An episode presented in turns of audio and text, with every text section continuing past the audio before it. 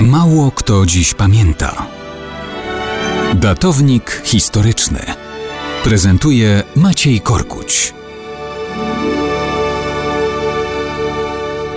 Kto dziś pamięta, że dla Bobiego Charltona, jednego z najwybitniejszych piłkarzy w dziejach brytyjskiego futbolu, 6 lutego 1958 roku był jednym z najbardziej koszmarnych dni. Bobby wraz ze swoją drużyną Manchester United uczestniczył w rozgrywkach o Puchar Europy. Manchester rozegrał w Belgradzie niełatwy mecz z jugosłowiańskim klubem Czerwena Zvezda. Mecz zakończył się wynikiem 3 do 3 ale ten remis dawał Manchesterowi awans do półfinałów. Rozradowani, zadowoleni z siebie piłkarze wracają drogą lotniczą wraz z działaczami klubowymi, trenerem i dziennikarzami właśnie 6 lutego 1958 roku.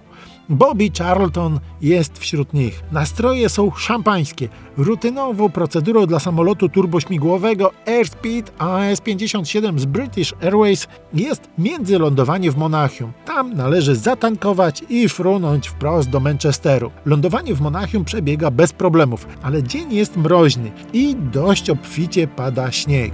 O 15.30 maszyna rozpoczyna lot. Samolot rozpędza się na monachijskim pasie startowym, ale załoga widzi nieprawidłowości w pracy jednego z silników. Zawraca. Kolejna próba, znowu nieprawidłowości, znowu powrót. Żeby zaradzić kłopotom z ciśnieniem paliwa, trzecia próba startu jest przeprowadzona nieco inaczej.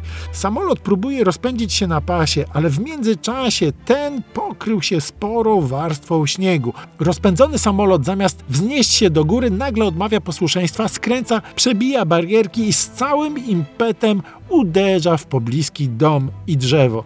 Staje w płomieniach. Spośród 38 pasażerów i załogi aż 29 osób ginie od uderzenia i płomieni. Wśród ofiar jest aż 8 piłkarzy Manchester United. Bobby Charlton wraz z trenerem chyba tylko cudem przeżyli. Trafili do szpitala. Bobby wykaraskał się z tego wszystkiego. Tylko dzięki temu miał szansę zostać mistrzem świata w 1966 roku, ale dzień 6 lutego 1958 zapamiętał na zawsze.